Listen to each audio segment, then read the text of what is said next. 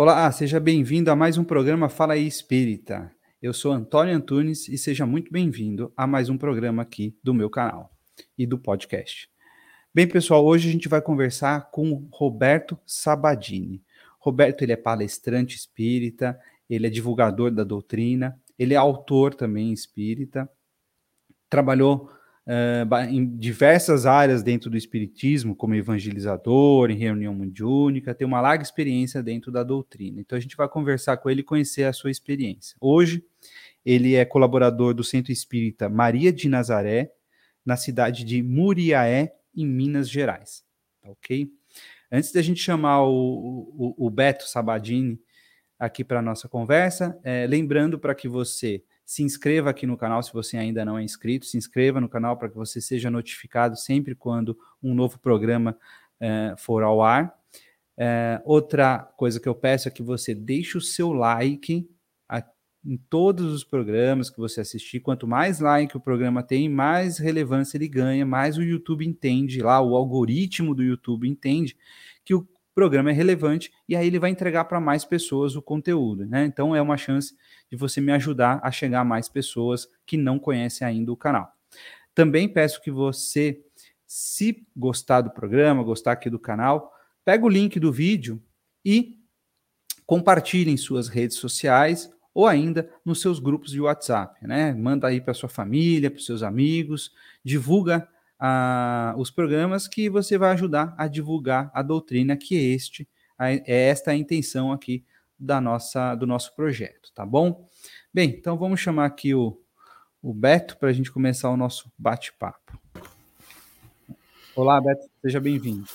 Olá, Antônio Antunes boa noite, bom dia e boa tarde, porque na internet qualquer momento é momento da gente ouvir uma boa conversa, ter oportunidade de refletir um pouco sobre a vida. Então sejam todos bem-vindos, desde já, muito obrigado pelo convite. Eu que agradeço você por aceitar. Beto, a gente tem. Eu posso te chamar de Beto, né? Sim, sim. É, eu começo o programa sempre com duas perguntas, que são as perguntas mais difíceis que você vai responder. Qual é a sua idade e em que cidade você nasceu? Uhum. Eu tenho 50 anos, como diz aqui no interior de Minas Gerais, eu sou natural de Bicas, zona da Mata Mineira. Uhum. É, dobrei o Cabo da Boa Esperança, né? Nasci dia 28 de abril de 1971. Muito feliz cada vez mais pela, pela graça da oportunidade de aprender e de viver. Eu não tenho problema nenhum com relação à idade, não. Os grandes sábios, né? Eu acho que só o tempo que a gente vai acumulando a, a capacidade de olhar a vida de forma mais amena e mais suave. Enquanto jovem, a gente carrega muito peso, carrega muita, muitas questões a serem resolvidas, né? Então... É, é, verdade, né? A gente vai ficando mais velho, a gente vai ficando, a gente começa a compreender os nossos pais, né? Isto, com toda certeza. e traz sempre alguma coisa deles e a oportunidade da mudança, né? É, é verdade.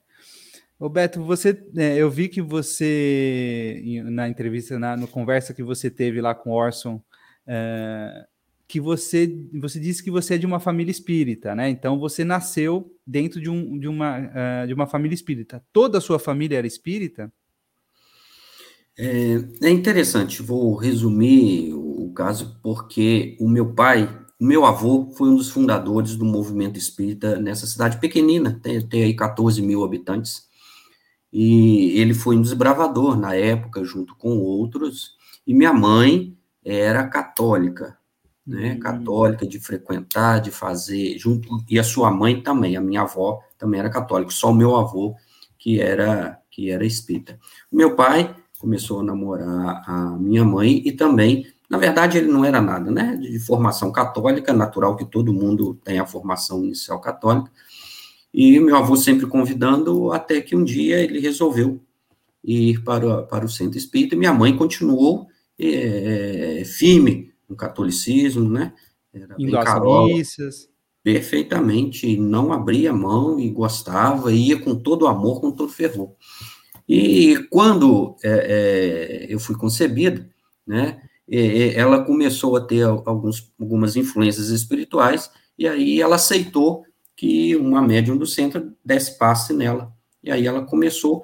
Quando eu tinha é, seis meses de gestação, o meu pai desencarnou.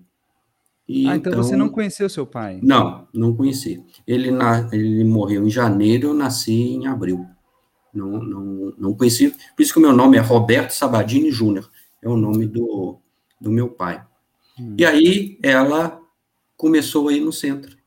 E ali eu fui criado, né? Desde tomando passo dentro da barriga, desde que comecei, desde que nasci, já nasci numa família é, espírita. Interessante. E a sua mãe, ela foi frequentar o centro por causa do desencarne do seu pai? Ou foi o que desencadeou ela ir para o centro? É, é, um conjunto, né? A gente aprende que na vida é, é tudo é, é, complexo, porque são muitas variáveis. Eu creio que essa foi uma das variáveis importantes, mas mesmo antes ela já estava mais é, é, amena, porque viu a mudança moral do meu pai. Porque era uma hum. pessoa comum do mundo, fumava, bebia, né? Tranquilo, socialmente. Como... E quando ele entrou no centro, ele falou: eu, eu tenho um uma cartilha né, de, de, de, cigarro dele, né? Que ele tem uma data, ele fala assim: o dia que parei de fumar, tinha três cigarros lá dentro, ele nunca mais colocou a boca. E eu acho que o exemplo é que toca muito, né? É. E aí, junto com o desencarne dele, ela começou a, a frequentar. Olha que interessante, né? Eu vou te dar duas coincidências que eu peguei aqui, tá? Comigo e com você. Você disse aí que você é júnior, eu também sou júnior. Eu sou Antônio Carlos Antunes Júnior, meu pai é Antônio Carlos uhum. Antunes. E o meu pai, ele fumava também. E ele começou a ter um problema de saúde e ele fez a mesma coisa que o seu pai. Ele pegou, a, ele pegou o, o maço de cigarro dele, escreveu a data. Ele sabe, eu não sei a data, eu acho que é 20 e pouco de agosto de 80 e não sei quanto. E se eu perguntar para ele, ele sabe uhum. a data, né? E, ele, e, eu lembro que ele escreveu, a primeira coisa que ele fez foi escrever a data, que ele ia parar de fumar, escreveu, e ele andava com um cigarro no bolso, com, aquela, com aquele, aquele maço, com a data no bolso, porque ele falava o seguinte: se eu tiver vontade de ensinar, eu tenho aqui, mas eu tenho que ser mais forte do que o cigarro, né? E eu lembro que depois, depois de um tempo, ele pegou esse, esse maço e deixava em cima da geladeira. Ficava lá. E eu lembro de ver esses maços lá, né? Entendeu? perguntar, mãe, o que, que é aquilo, né? Fala, não, é o do seu pai lá, não sei o quê, né? Olha que interessante. É. O, o, hábito, dizem quem fuma, que a, a, além das questões químicas, né, que o próprio cigarro oferece, os prazer que, instantâneo que ele oferece, tem a questão do hábito, né? Então, você falou do seu pai de carregar, de segurar no dedo, de, de compor uma determinada situação. Caso do meu pai, ele tinha os amigos, né, que ele bebia no bar, depois ele parou, e aí ele levava água fluidificada, a, a, a, transparente, na época de vidro, não tinha ainda as garrafas PET, né, de plástico, de, de várias cores, e aí os amigos falavam, ah, é, já tá levando essa cachaçinha aí, né, aí, então, e, e, você tem que superar, né, a, a vergonha, né, você é, é, ficar de frente dentro da sociedade em que você estava, e como você arrematou com seu pai. Eu sou mais forte. É. Então, agradeço, foi muito bom enquanto estiveram comigo, mas a partir de hoje eu decidi um caminho diferenciado. E, só para arrematar, mostra mesmo que a vontade é muito importante, como diz Leon Denis, né? O poder da vontade, o querer. Quando a é. gente quer, não é fácil, não é fácil. Jesus falou: no mundo tereis tribulações, mas tem de bom ânimo, eu venci o mundo. Ou seja, Todo mundo é capaz em qualquer época da vida. Eu acho isso muito importante. É, muito legal, muito bom. E aí você então, é, com a sua mãe frequentando o centro espírita, então você desde pequenininho frequentou o centro espírita. Isso. Aí eu passei, como era, por todas as etapas, né? O primeiro ciclo, o segundo ciclo, o terceiro ciclo, a pré-mocidade, a mocidade, a juventude, depois comecei a, a, frequentar o centro, já estava já nessa época pré-vestibular, entrando no vestibular, e depois eu passei por todos os departamentos do Centro Espírita, desde o evangelizador até a presidência, por todos eles, secretário, tesoureiro, bibliotecário, todas as, as etapas eu passei e aprendi muito em todas elas. E, e então, ah, nessa, nessa fase da sua adolescência, você morava em Picas ainda ou já mudou, já tinha ido para outra cidade? Não, é, eu fiz minha faculdade no Rio de Janeiro. No Rio de verdade, em Seropédica, é, é a Universidade Federal Rural do Rio de Janeiro. Na época ainda pertencia a Santa Cruz, hoje já virou uma, uma cidade.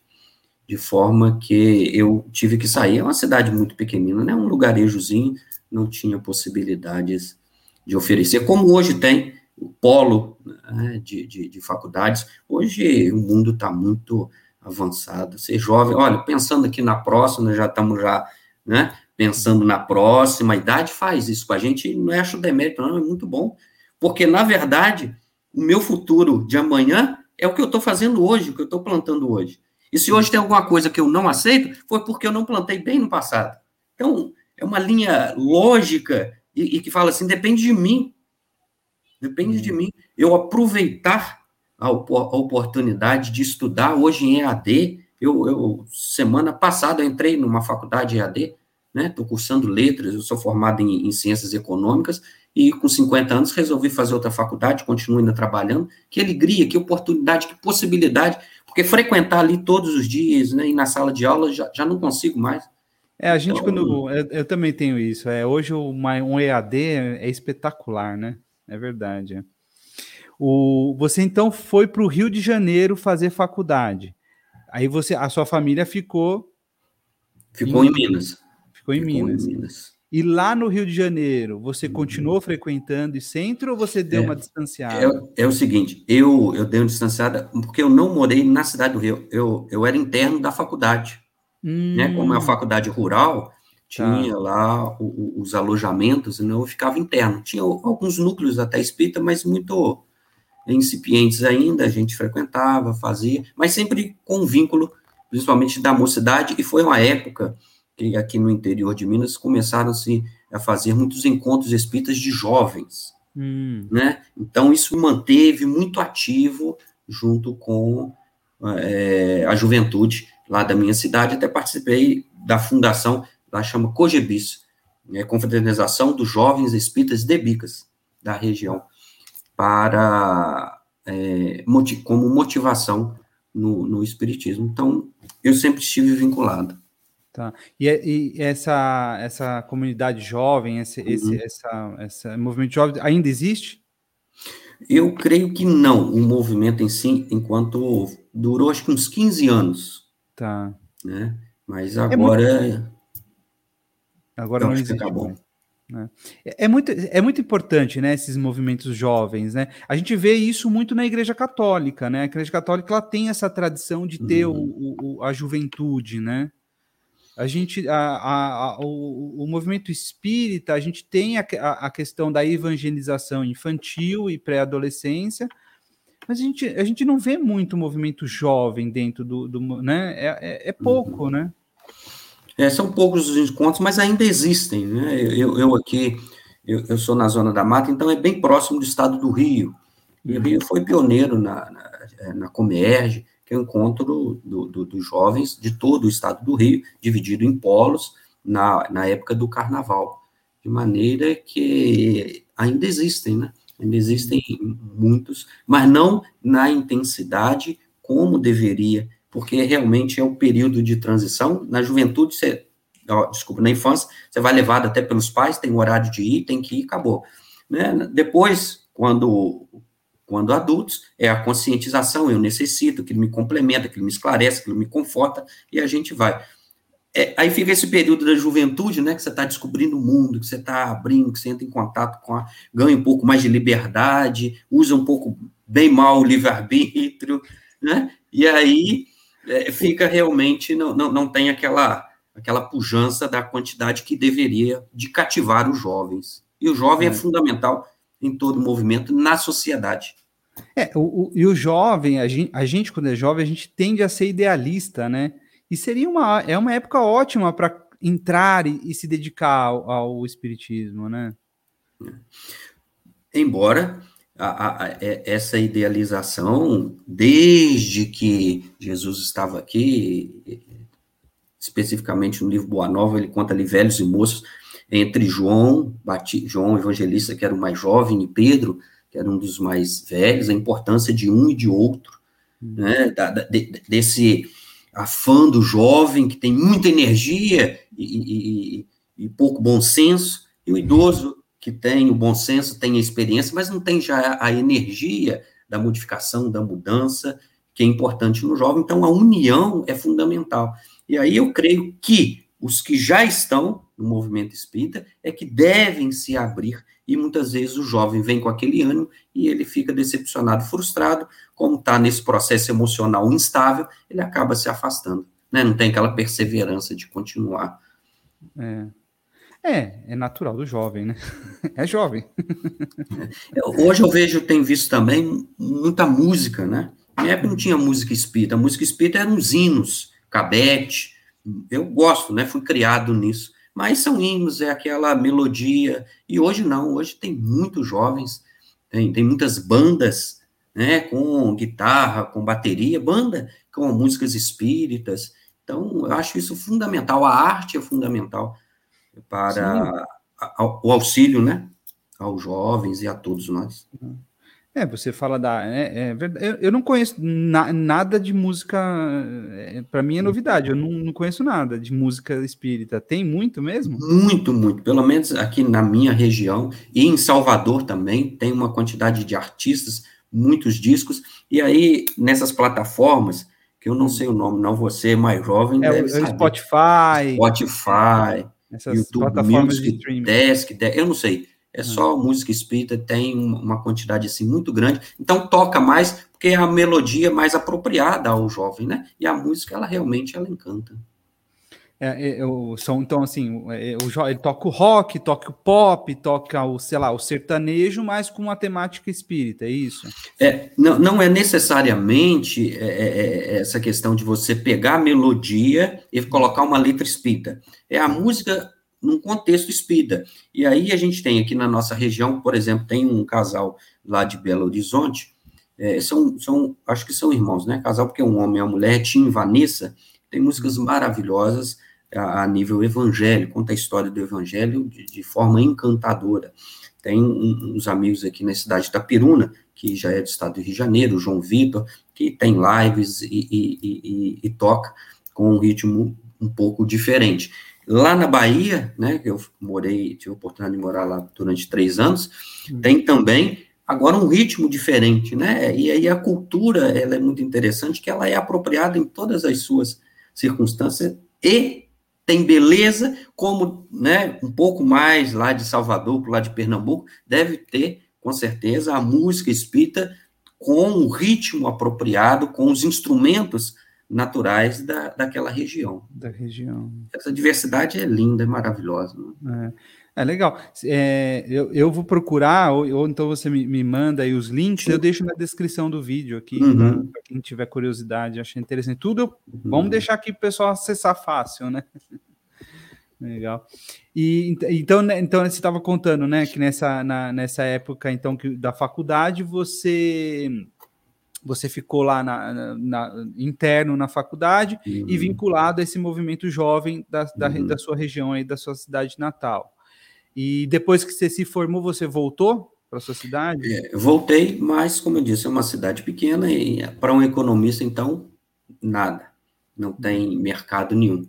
E foi aí que eu vim conseguir meu primeiro emprego como bancário aqui na cidade de Muré, num banco que é extinto, chamado Bameirindos, não existe mais. Era, né? era, um banco, era um banco de Minas, né? O Bameirindos era mineiro, não era?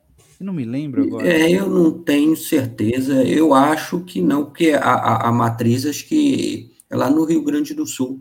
Ah, então, então me confundo. É, a, a, matriz é lá, eu não sei. Aí depois foi vendido para o HSBC e agora foi incorporado pelo, pelo Bradesco. E aí eu vim para a cidade de Muriaé e desde essa época 14 de fevereiro de 1996. Ó, não sou bom de data não, mas lembrei. É? E aí eu vim para Muriaé e estou aqui até, até hoje. Então. Desde e o então. 96 foi quando eu entrei na faculdade de Direito. Olha. O primeiro ano de faculdade de Direito foi em 96, eu cursei a faculdade de Direito de 96 uhum. até 2000. Uhum. E, e, e, aí, eu fiquei pouco tempo no, em 2000, 99, foi meu primeiro emprego, minha primeira alegria, meu, meu primeiro, minha primeira demissão, minha primeira tristeza a nível profissional. é, agora, a, o Espiritismo me auxiliou, porque depois disso, eu, eu fui convidado para fazer um, um teste numa escola de segundo grau aqui, uma escola técnica, é TFG, Escola Técnica de Formação Gerencial, e aí eu comecei a dar aula. E aí eu fiquei 12 anos dando aula. Por quê? Porque desde a juventude eu já começava a fazer, eu já fazia estudos no centro espírita, dentro da mocidade, depois com palestra, falava 10 minutos, depois 15, depois 20, uma hora. Agora a gente vai. E isso me auxiliou e me deu um suporte muito grande para eu virar e professor, né? Uhum. Durante um bom tempo da minha vida. E a vida é interessante, né? Sei. É, ou, então a, a, sua experiência lá com na juventude de começar a, a expor sobre a doutrina te ajudou a, a ser professor com sua, toda com toda certeza. E foi além porque eu pegava todo o conceito eu comecei dando aula de administração de planejamento estratégico especificamente foi a primeira matéria que eu lecionei.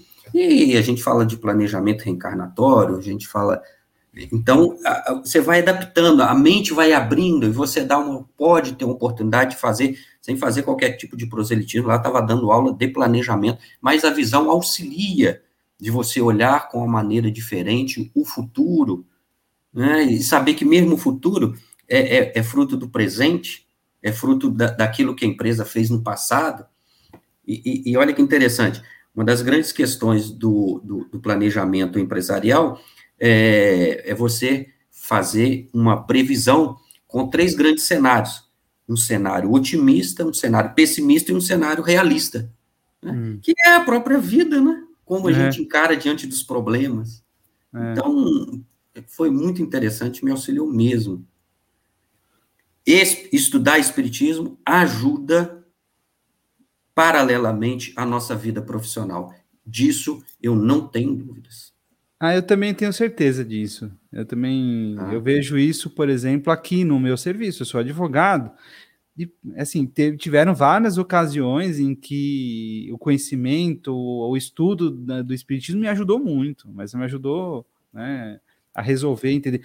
Eu tenho uma facilidade em entender o problema da pessoa, porque o advogado a gente lida com problemas econômicos, basicamente, pelo menos a minha área aqui, né? E aí o que, que acontece? Mas por trás sempre existe algum outro tipo de problema, sabe? E é, então a pessoa vem com um problema econômico aqui, mas você vê que o problema não é econômico, existe alguma coisa por trás. E, e assim, eu tenho uma facilidade de entender esse problema que está por trás. E eu sabendo desse problema, qual que é a causa que gerou aquele problema econômico, fica mais fácil de eu resolver, uhum. né, de achar a solução para aquele problema. Às vezes a pessoa não quer resolver, né? Mas, mas eu consigo enxergar o caminho, sabe? E propor. Aí a decisão é dele, até ele te paga para isso.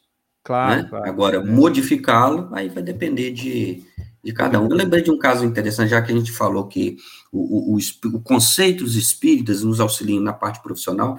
É, Quer dizer, eu entrei na faculdade em 1990. Então, naquela época, o vestibular, por exemplo, de história, é, era bem diferente desse Enem que nós temos hoje em dia. Então, eu, eu criado ali, é, lendo os romances espíritas, né, há dois mil anos, 50 anos depois, do Chico, né, Ave Cristo, e, e, e a, histórias de uma rainha, me fugiu o nome específico do, do primeiro nome, a gente sabia muito de história, me auxiliou extraordinariamente para fazer a aula de história, quando uhum. falava lá do Império Romano, né? E, e, e então é muito interessante. Até no vestibular é, é, foi muito importante aquilo que eu aprendi enquanto na, na juventude espírita. É, é, interessante, né? Você está me falando uma coisa que agora que realmente eu pensei. Você pega esse, esses romances históricos do Chico, né? O Há Dois Mil Anos, o Paulo, é, Paulo Estevão, né? Ave Cristo, uhum. todos, eles sempre retratam uma, aquele, aquele momento histórico que está passando a história, porque ele conta a história lá que tem que contar, mas tem todo o contexto histórico que é relatado no, no livro. E é muito mais fácil você memorizar isso do que aquela aula metódica da escola de uhum. decoreba, né? Que a gente, né? É, então, assim, realmente é, é bem, é, é, bem mais fácil você gravar aquilo, né? Então. É... Só para deixar registrado, chama Romance de uma Rainha, de, do, do Espírito Rochester. Eu já ouvi falar, eu não, esse livro é, eu, eu, eu, é antigo, é antigo, é. das, das antigas. Você, você se lembra qual que foi a primeira, o primeiro livro espírita que você leu? Lembro, Senzala. Senzala. Senzala foi o primeiro livro espírita. E aí é tão interessante porque é, é eu, eu, na minha infância eu não, não, não, não, fui muito adepto, não fui criado com, com a literatura. Mas na juventude, esse foi o primeiro, marquei nunca mais. Você vê que eu demorei um segundo para pensar, porque foi o primeiro livro espírita que eu li. E aí, logo, só que eu já estava bem adolescente, que eu entrei na faculdade, aí eu não continuei lendo os romances, porque vem a questão científica. Aí eu peguei as obras clássicas, que Leon Denis, que para mim, é, é, em tempo que eu, eu também sou apaixonado pela filosofia, é, é, é, é, é o concurso, né? Então, Camille Flammarion, Deus na Natureza, e aí William Crookes, aí eu, eu fui pegando aqueles mais clássicos, dentro da, da ciência, uhum. para depois retornar aos romances e fazer a junção, que é fundamental. Né? O Beto, é, Camille Flammarion, não, não é muita gente que conhece, né? Uhum. Eu li o do Camille Flammarion, Narrações do Infinito. Uhum. É, é, Narrações do Infinito, né? Ele é muito complexo, ele é muito difícil, não é? é um astrônomo, é um livro científico. Sim. Mas, por exemplo, Deus na Natureza é, é, é, é tão interessante que parece que, que, que ele está fazendo poesia quando ele está falando das estrelas, quando ele está falando do céu, quando ele fala das leis, hum. quando ele fala da importância é, é, do sol na nossa vida. E aí a gente consegue fazer o paralelo lá com o Velho Testamento, no livro Eclesiástico, quando diz assim: vaidade das vaidades tudo é vaidade. Que vantagem tem um homem de todo o trabalho que faz debaixo do sol? Aí, isso é poesia? É, mas é ciência. Porque não existe vida biológica na Terra sem o sol. Sim. E aí, o que, que o sol faz que as plantas têm capacidade de fazer a fotossíntese? E a fotossíntese, a gente come a planta para poder ingerir a, a essa energia solar. E se a gente come carne, a gente come carne de um animal que come vegetal. Sim. Então, em última instância, a gente sobrevive de energia solar. Só que a gente não consegue ficar quarando no sol. Ali, uma, uma, uma palavra das antigas, né? Quarador, na época da minha avó tinha quarador. Não, não saía da máquina, a roupa direto para o varal, não. ficava quarando no sol. Você pegar no sol para absorver. Então, quer dizer, é filosofia, é poesia, é ciência. E aí, se a gente tem um olhar não preconceituoso com o Flammarion, tem uma, uma linguagem técnica, lógico, ele era cientista. Sim. Mas a gente consegue encontrar belezas de encantar a, a, o tempo que a gente está ali com ele. Eu, eu lembro de. Eu, eu li o, o Narrações do Infinito, do Infinito, acho que eu devia ter uns 20 e poucos anos, né? Sim. Eu lembro que aquilo foi realmente espetacular para mim, porque eu lembro de, de grifar. Ele fala ali sobre a, é, teoricamente viagem no tempo, né? É, é, ele, eu lembro que, né? Ele vai descrevendo, lógico, é tudo teoria, né? Tal, mas é, uhum. é, muito rico, né? O, o Sim. A... Por exemplo, vou citar alguns livros dele: A Morte e o Seu Mistério, As Casas Mal, Mal Assombradas, Como Acabará o Mundo, Deus da Natureza, Estela, Narrações do Infinito, O Desconhecido e os Problemas Psíquicos, O Fim do Mundo, Urânia. Né? Tem o, assim, o, o, pluralidade dos mundos habitados também é dele, não é isso? Ou é do Leon Denis? Eu não me lembro agora. Pluralidade. É, eu, eu, não me Eu, eu uhum. acho que é Camille Flammarion também. Uhum. Né? Ou o Alexandre, o, o Gabriel Delane, mais para a área da psicologia. E aí você vê que realmente foi uma pleide de espíritos que veio compor o espiritismo para a gente, cada um na sua área. Né? O Leão Denis na filosofia, o, o, o, Alexandre, Alexandre Gabriel Delane na, na, na parte mais é, da psicologia, da mente, das relações, do subconsciente, né, e assim dos fenômenos mediúnicos, e o William Crookes, e, e, e Lombroso, e Alexandre Aksakoff, mais na parte da mediunidade, quando testavam né, a, a, manifestação, a materialização dos espíritos, né, o Leandro na filosofia, enfim, é um conjunto, e aí tem para todo gosto, para quem quiser. É. Né? Eu gosto mais de uma área, gosta mais do outro, mas o básico a gente deveria, é fundamental, e, e, isso e nos auxilia e nos dá um suporte para todas as circunstâncias que a gente vai encontrar na vida, na vida profissional, na vida relacional, no convívio com o semelhante. Eu estava procurando aqui, hum. você falou do Alexandre Delane, né? É, é, é, o Alexandre é o pai do Gabriel Delane, que conviveu com ele, ele era pequeno. Mas quem escreveu mais foi o Gabriel Delane. Hum, tá. O, o, eu tenho, tenho, você deve conhecer, e quem me citou isso foi o. Não foi o Paulo, foi o, o Alexandre, chama Alexandre Moraes, que eu conversei, chama Caie, não sei se. É, é, da sua região aí, você conhece? Hum. Não. Não, não, não, ele é de Minas, né? É. Uhum. É, é, ele, ele falou de, ele fala de uma carta, uma carta sobre a vida de Allan Kardec, é, escrito pelo uhum. Alexandre Delane, quando da, do desencarne do, do Allan Kardec. Você uhum. conhece essa carta, não? Não, ainda não tive. Eu, vou, te, eu vou te mandar depois por Agradeço. E a outra coisa que me encanta na vida e no espiritismo, né? Tenho 50 anos, olha é como se eu estivesse começando, porque Kardec começou a, a, a, tomar contato com as mesas girantes com 50 anos.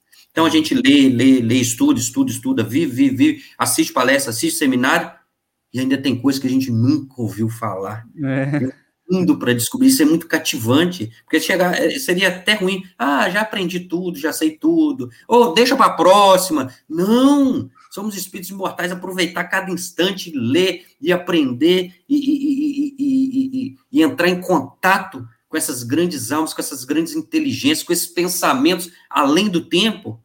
Gente, é gostoso demais. É. O, a gente falou um pouco do Camille Flammarion, né? O Leon uhum. Denis, né? Eu, é, eu, nu, eu nunca li nenhuma obra do Leon Denis, porque eu, eu faz tempo que eu tentei ler. Eu acho que eu também foi logo depois que eu li o Camille Flammarion uhum. e eu uhum. não consegui ler. Para mim não foi difícil de ler. É mesmo. Mas acho que eu tinha uns 20 e poucos anos. Eu preciso uhum. retomar o, o Leon Denis. É, por exemplo, o clássico dele, Problema do Ser, do Destino e da Dor, é Vou, vou, te revelar uma outra coisa aqui, já que a gente está falando da, da vida.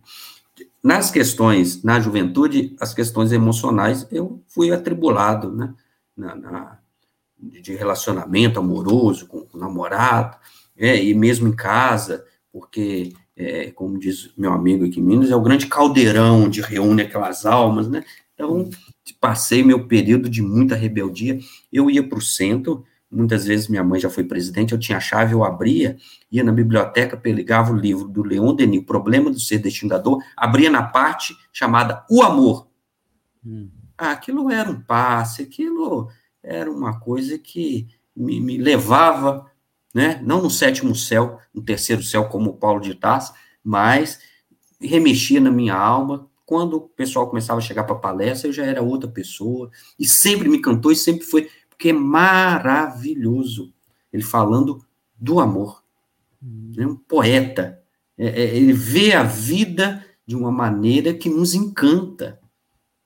Isso toca os nossos corações e nos modifica. Claro. Porque um dos, um, uma das características do Espiritismo, que é o consolador, é consolar. Então não é passar a mão na minha cabeça, ninguém passava. É só que ele falava da grandiosidade de Deus, da grandiosidade da vida, na capacidade que nós temos de escolher o amor ou não, que depende de mim, não depende do outro, que é uma força que nos faz, que nos movimenta em direção ao outro, a alegria que causa amar, em vez de nós sermos aqueles pobres emocionalmente que queremos ser amados. Todo mundo quer ser amado, ninguém quer amar. Então, dá uma visão diferenciada. Aquilo me encantou por muito tempo. E por incrível que pareça, era uma coisa que me acalentava o coração. É, o, é, o, o Leon Denis, ele então, é, esse, esse, livro, qual livro que você falou que o tem? O problema essa... do ser, do destino e da dor. Tem outros clássicos, né, como é, é Depois da Morte, é, O é, Espiritismo na Arte, eu, O Grande eu, Enigma, eu, enfim. Eu tentei ler o Depois da Morte. Foi, acho que foi por é? isso. Não sei se. Ah. Eu, eu, lembro que eu, eu, comecei a ler e não consegui avançar. Não sei porquê. O, o livro que ajudou a, a, a, iniciação de Eurípides Bassanufo no Espiritismo. Depois ah, da é? Morte. É. É um livro que modificou a vida dele antes e depois. Né? Mas por quê? porque tocou a sua alma, muito parecido com a história de Dr. Bezerra de Menezes, quando está saindo do trabalho e do, do, do amigo dele chamado Trabuco, que oferece um, um, um, um, livro dos espíritos, e ele morava, a, a sala dele de atendimento enquanto médico era no centro da cidade, e ele morava, acho que na Tijuca, então era de bondinho, gastava mais ou menos uma hora. E ele começou a ler né, o livro dos espíritos, e ao final, palavras dele, ele diz assim, é muito interessante porque eu vi, não vi nada de novo, mas é como se fosse tudo novo. Por quê? Porque a verdade, ela está em todo lugar. Ele era católico, mas sempre foi muito ardoroso e tinha a alma aberta, porque aquele que quer fazer o bem independe da religião que tem. O Espiritismo só vai agregar valor a ele. Até o título, por exemplo, de médico dos pobres, ele já tinha antes de ser espírita. No espiritismo que transformou ele no, naquele velhinho caridoso, bondoso, não. Só intensificou e direcionou para um determinado, porque vislumbrou o plano espiritual com provas tácitas, com, com consequências ético-morais, com a parte filosófica. Então, é, ele falou assim: era como se eu já nascesse espírita. E com o, o, o, o eu disse, Bassanufo é a mesma coisa. Você já traz na alma Aí que vem a prova da reencarnação. Então, quando você vislumbra né, e tem contato com realidades, que o Espiritismo é a realidade, aquilo te encanta, e aí, efetivamente, ele abraçou a causa espírita e, e, com a sua mediunidade de bicorporeidade, né, é, é, é fez, um, um, trouxe muitas experiências para todos nós. Né? Legal. E você tem, é, você falou aí do Leon Denis. É, esse foi o livro também que te marcou muito? Ou tem algum outro livro? Esse foi, do, dele foi esse, né? Ah. O, o, problema do ser, é, do destino e da dor. Lembrando que ele, Leon Denis, estava lá junto com Kardec, e Kardec basicamente ficou em Paris, e Leon Denis é que levou o espiritismo para o interior da França. Hum. Então ele percorria muitas cidades, ele, ele, ele era muito conhecido no interior interior da França. E aquela célebre frase que está no livro, acho que é, Obras Póstumas, quando ele, o Kardec pergunta se ele falhasse, o que queria acontecer, ele falou, não se preocupe, porque o, o, os objetivos de Deus não repousam na mente e nos ombros de uma só pessoa, outra entrará no seu lugar. E um dos espíritos que estavam ali ao lado dele, que poderiam dar continuidade com a mesma grandiosidade de Kardec, era Leon Denis. Ah, interessante. E, e do Camille Flammarion, qual que você acha, qual livro que você acha que mais é, que, que é melhor, assim, sei lá, ou mais te marcou, ou então que é, tem uma mensagem que. Deus na natureza é o que mais me, me marcou. É o que você comentou. É, é, é o que mais me, me, me, marcou, porque ele faz isso, né? Ele, ele, ele, ele nos traz aquilo que está muito bem condensado no livro dos Espíritos, por exemplo, na questão 23, o que é o espírito, é o princípio inteligente do universo. Uhum. Aí lá na questão 76 pergunta assim, mas como que definição se pode dar de espírito? E aí, se a gente é estudioso, fala assim, ó, mas Kardec não perguntou isso lá na questão 23, será que ele está perguntando de novo? Mas a resposta é diferente, né? São seres inteligentes do universo. Então, de um princípio é um ser, mais ou menos 1 bilhão e 500 milhões de anos de evolução retilínea, porque não tem livre-arbítrio, o Camille Flammarion, ele descreve isso de forma mais é, romanceada, de forma mais é, é, palatável para compreendermos, falando sobre os átomos, que nós não somos o corpo que tudo se transforma, né? Na natureza, nada se cria, Lavoisier, né? Tudo se transforma. Aí ele fala, um, um, um, um oxigênio que nós, um, átomo de oxigênio que nós estamos respirando agora, talvez estava lá no cachimbo do, do daquele que inventou a luz, como é que ele chama? A energia elétrica, a lâmpada. É... Eita, Newton, Isaac Newton. É. Mas estava lá, né? Um outro que nós vamos esperar aqui, talvez estava lá no, no, no, na lágrima de um leão, né, lá no deserto, lá na África. E como que se dá isso? Através da transformação, através do ar que transforma, que leva o átomo daqui para lá. Ou seja, nós não somos um corpo denso, nós somos divididos e tem toda essa. Enfim, é, é, é, é muito cativante. É, é, eu falo, é, um, é científico, mas é uma forma de escrever poética que toca os nossos corações, porque fala da realidade. Esclarece e conforta ao mesmo tempo. Interessante. E uma, e uma outra autora que você gosta também muito é a Ivone Pereira, né? Isso é uma outra personalidade peculiar que toca muito. Por quê? Eu, por exemplo, eu gosto muito de Francis de Assis, de todos esses clássicos, né? Jesus, que é o, o é, modelo guia, né? Não, não tem que se falar a respeito dele, é Francisco Cândido Xavier. E, mas Dona Ivone do Amaral Pereira, como ela mesma disse, ela não era uma missionária como nós entendemos a missão, porque ela foi uma ex-suicida. Então, quando ela nasce, dia 24 de dezembro de 1900, ela nasce para com, com uma expiação muito grande de ajustar aquilo que desde o ano 40, quando ela chamava é, Nina, lá. Não, não é Nina, não. É outro nome. Eu, eu, eu me esqueci agora. Lá no ano 40 está no livro Sublimação. O que ela fez durante até o ano de 1900 foi degringolar na sua vida, foi cometer equívocos, foi suicidar duas vezes e levar outras pessoas ao suicídio, foi cometer e levar tristeza e, e, e, e desconsolo para muitas pessoas. Aí então ela vem como um, um, resgate, porque todo suicida ele precisa resgatar, porque ele desequilibra o seu próprio psiquismo. Isso é ciência. Isso não, não, não é apenas filosofia de entender o processo da reencarnação. Isso é ciência. E ela vem com a mediunidade estuante. Aos 29 dias de vida, é, ela tem uma convulsão, ela é tida como morta, é exarada lá pelo médico a, a certidão de óbito dela, e ela uhum. apenas teve um processo que é, doutor Bezerra vai estudar depois, de, de, letargia e de catalepsia, né? Porque a ciência também não sabe onde termina um, onde começa outro. Aos 29 anos do dia, é, de, de vida. Por quê? Porque ela morreu afogada na última encarnação no Rio Tejo, lá em Portugal.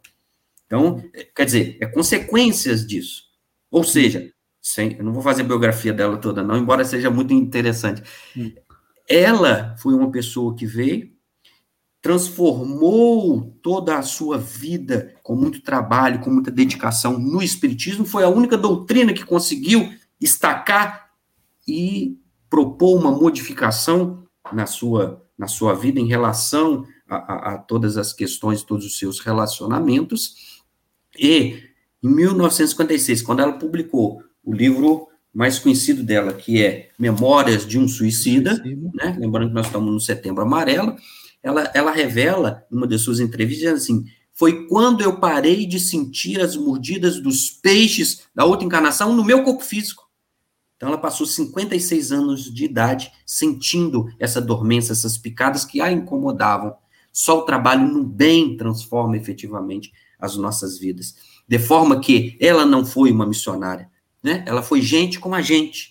Sim. Uma pessoa que superou a si mesmo, tinha suas dificuldades, que passou pelos seus apertos, mas encontrou no Espiritismo um grande suporte e na é, vivência plena da sua mediunidade. Então, isso toca muito a gente. Né? É.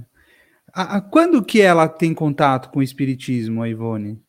Nasceu também num lar espírita. Ah, né? O seu pai e a, e a, sua mãe, ela nasceu num lar espírita aos 12 anos, ela lia todos esses clássicos que eu falei, e, e, aos dois anos ela já começava a ver os espíritos, especificamente o Charles, que foi o seu pai na outra, é, na encarnação passada, foi seu irmão em outra, foi amigo, né, é, é um companheiro que está ao lado dela neste processo, e Roberto de Canaleiras, que foi o último marido que ela levou ao suicídio e também já é, cometeu adultério em outras encarnações. Então ela via, era um misto de alegria, de tristeza, de, de prazer e de vergonha.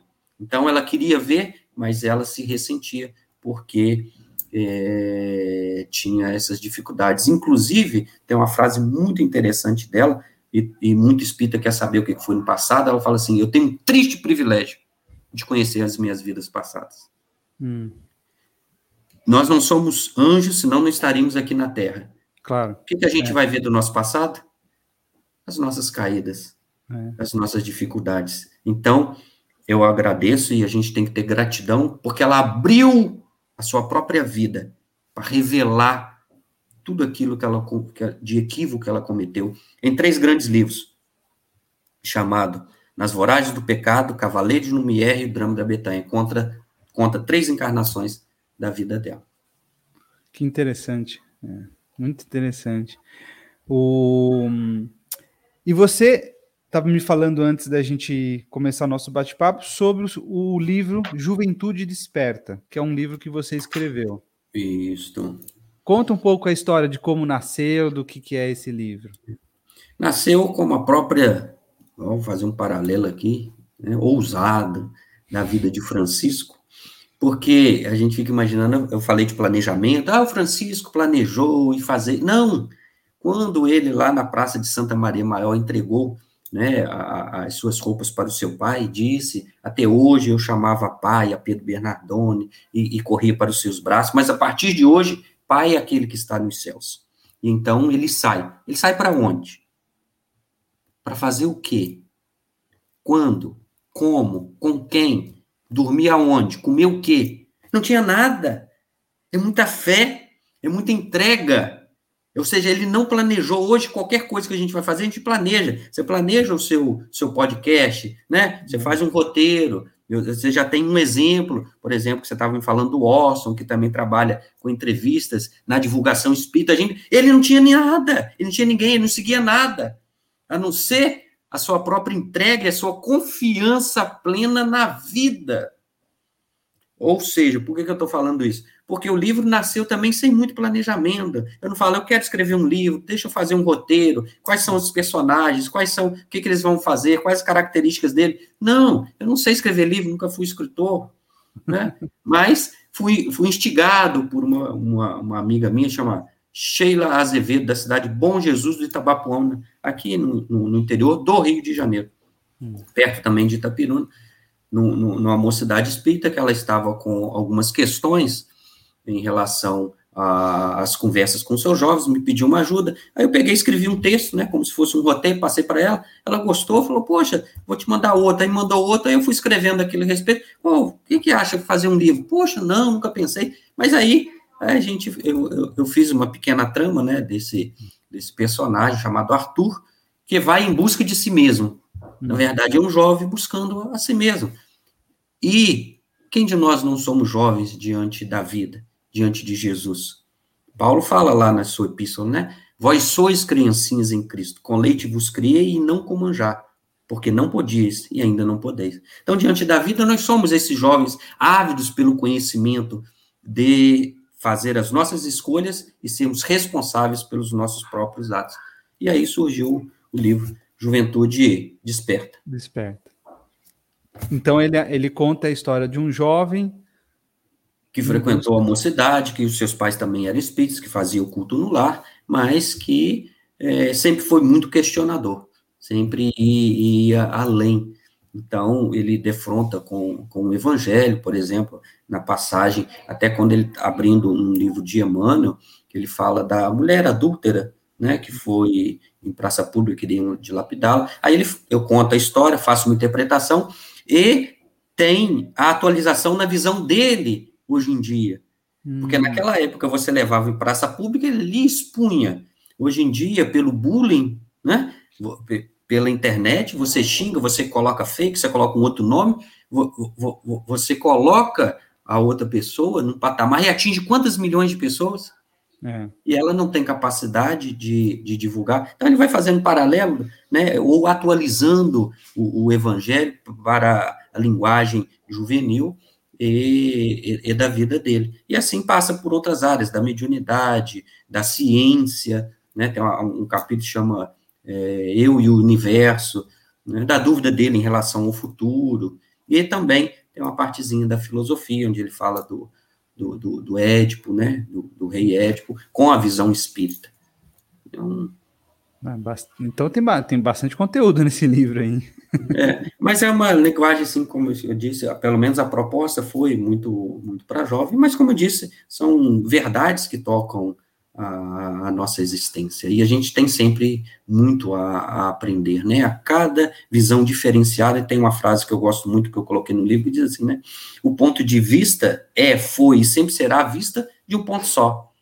Então, ter oportunidade de ver o outro e, e, e agregar valor e, e, dinamizar isso, e desenvolver a aptidão, e estar aberto, hum. né? Porque a mente, eu estava lendo essa semana, de, de, um, de um autor lá de Salvador, ele fala que a mente é um paraquedas. Ela só tem funcionalidade quando está aberto. Está fechado, a gente cai e perde a própria vida. Quando você está com a mente aberta, você tem capaz. Aí é fazer o vazio, é se esvaziar com preconceitos, com é, limitações que a vida nos impõe, está aberto para receber uma água diferenciada. Ah, nem toda água é boa. Bem, que não é, deixa passar ouve de tudo, retende o bem, já falava Paulo. É, é verdade, é. é interessante isso, hein? Gostei dessa, dessa, é, dessa, dessa comparação com paraquedas, bem, bem é, interessante. Olha, um bem paraquedas legal. só vale quando aberto.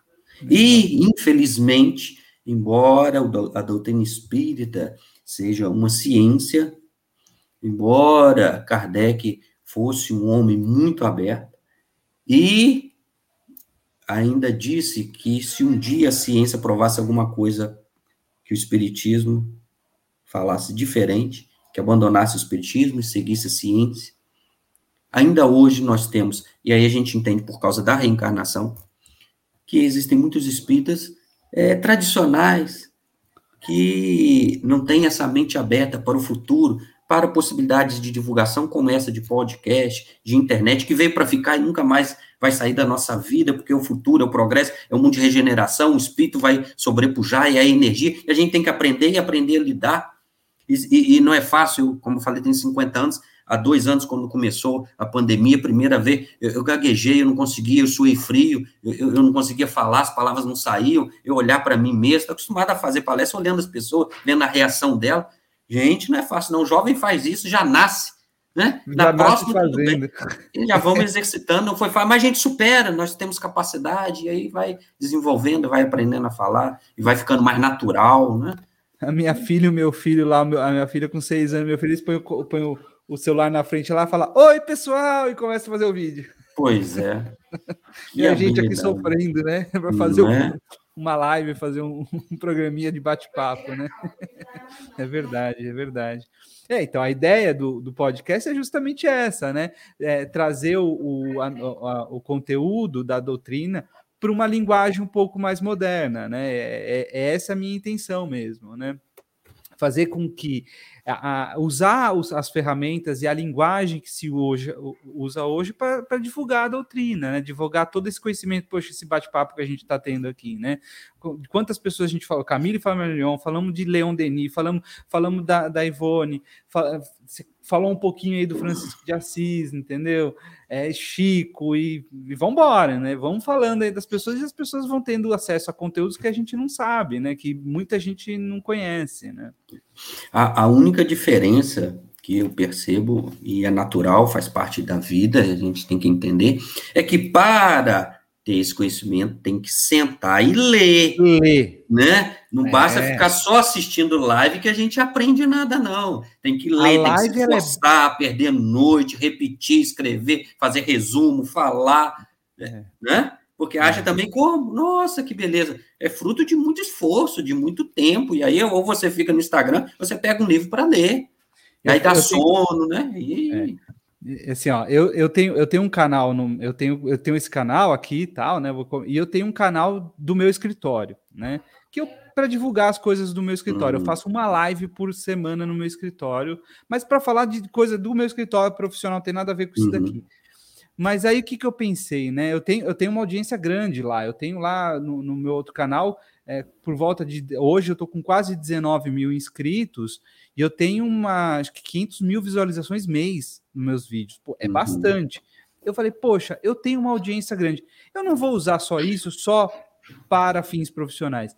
Toda live agora eu tô falando isso. Ó, oh, pessoal, eu tô fazendo uma campanha aqui leia um livro. E aí eu peço para ler, porque realmente as pessoas hoje passam muito tempo no celular, vendo bobagem em rede social, né? Se você pegar o celular e você olhar aqui que ele mede quanto tempo você passa dentro de uma rede social, ele vai te mostrar lá que no mínimo é uma hora, uma hora e meia. Se você usar essa uma hora, uma hora e meia para ler um livro, você lê um livro a cada três, quatro dias. Se você lê um livro de cada três, quatro dias, você vai ler no mínimo quatro livros por mês, né? Se você lê quatro livros por mês, vezes 12, entendeu? Sendo que no Brasil se lê em média um livro e meio por ano, cada a média de a média. De, isso porque a gente que lê muito, porque a maior parte. Eu falo com a minha secretária que falou: Poxa, você pega o ônibus, lê um livro. Não, eu não gosto de ler, não, doutor. Eu não gosto de ler, não. Ela fala. falou: Não, Alessandra, lê, poxa, entendeu? A minha secretária. Ela falou: Não, eu não gosto de ler, não. Não gosto. Mas é, é costume, né? Tem que ter costume, né? Costume, aí, é hábito. Perfeitamente. É. E falando em leitura, a gente está com quase 57 minutos de bate-papo. Eu esqueci até de preparar, então vai de surpresa, tá? É, eu sempre no final da nossa conversa eu peço para que o, o, meu convidado indique um livro ou uma série ou um filme, ou se quiser indicar dois livros, três livros, ou quiser mais de série, que, alguma coisa que você acha interessante para as pessoas terem uhum. acesso uhum. e ter algum tipo de conhecimento, além do seu próprio livro, né? Uhum. Olha, todos os livros são bons. A gente tem que partir do pressuposto que é uma ótima companhia, é. né? E a, às vezes assim no, no, no seco, vamos dizer, é, você fala leia um livro, a pessoa não lê. É. Então um livro, um, um, exercício que eu faço é de enamorar. Hum. Você pesquisar, ouvir dizer, aí vê na internet. Hoje em dia, eu compro tudo pela internet, os livros, né? Você compra, ele chega, você pega com carinho, né? Abre o livro, vê as páginas, fala, agora eu não vou pegar não, mas daqui a pouco, né? E, e vai se namorando, vai criando um, um processo energético com, com o livro. Né? Aí você pega e começa a ler as primeiras páginas e vai absorvendo, porque não é a quantidade que a gente sabe. A doutrina espírita, a doutrina de Jesus não é uma doutrina de quantidade, é uma doutrina de qualidade. Então, degustar um livro é muito bom. Isso vem do, do processo de, de sabedoria. Lembrando que na, na, na etimologia da palavra é, sabedoria, a, a, a gente tem o sabor né? O que, que é o sabor? É aquilo que a gente tem no momento de ingerir um alimento. Aí a gente pode engolir até sem mastigar, ou a gente pode degustar, sentir os aromas, né, a textura de cada alimento, mastigar, que é digerir, para depois ele transformar energia na nossa vida. E é isso com um livro. E a sabedoria é justamente isso: é você saber é, e, e, e, e, contemplar e estar em contato com a, a, a, arte em qualquer, como você diz, de um filme, de uma série ou de um livro. Como nós estamos no Setembro Amarelo, e eu falei de Dona Ivone Amaral Pereira, eu digo aqui Memórias de um Suicida, né? que é um livro é, que tem muito preconceito, assim, um livro muito denso, né? Por quê? Porque ele fala do, do Vale dos Suicidas, Sim. onde os suicidas se reúnem. Aí eu tenho duas sugestões.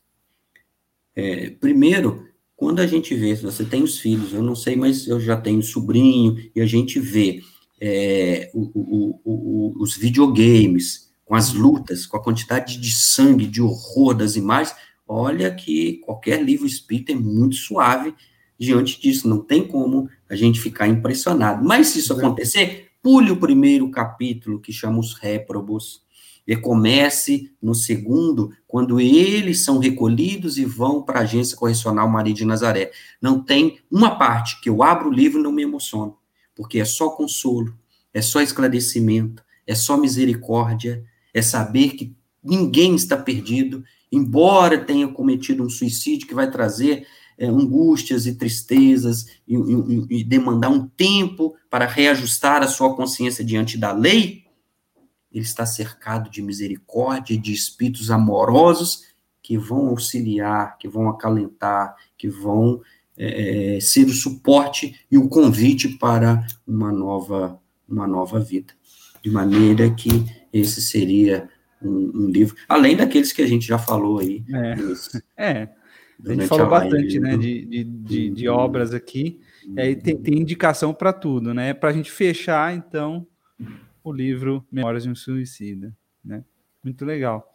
Beto, é, foi muito bom conversar com você. A gente falou bastante coisa. Me incentivou a, a, a, a ir atrás do, do Leon Denis, Denis. voltar para eu ler ele, que eu nunca. Eu, eu, comecei lá, como eu comecei. Comecei a ler o Depois da Morte, não sei porque eu não consegui, não me lembro porquê. É normal isso. Eu acho que cada. Uhum. Tem o seu tempo, né? Não tem, não tem o seu tempo. Tal, é, tem livro que às vezes você pega, não consegue, passa um, dois, três, quatro anos, você pega e vai que vai uma maravilha, né? É porque não era a hora, né? Da, da, daquele livro, né? Eclesiastes capítulo 3, tudo na vida tem um propósito e tem um tempo certo debaixo do céu. Tem que entender, aceitar, e tudo vem na hora certa. Ou como diz André Luiz, quando o trabalhador está pronto, o trabalho aparece. Se não apareceu, porque tem que preparar um pouquinho mais. É isso aí. Muito bom. Muito obrigado por, por ter aceitado o convite de novo. Foi um papo muito bom. E a gente se vê na próxima. Agradecido aí a todos aqueles que vão nos ouvir ou vão nos ver. Mais uma vez, muito obrigado, parabéns, continue, persevere, o bem precisa ser divulgado, né? Uma conversa sadia que abre a nossa mente, que traz, e se trouxer alguma angústia, se trouxer a, a, a, algum tipo de incômodo, aí ficou melhor ainda. Porque é só no incômodo que a gente é, se movimenta, se transforma e tem vontade de sair para uma visão diferente da vida.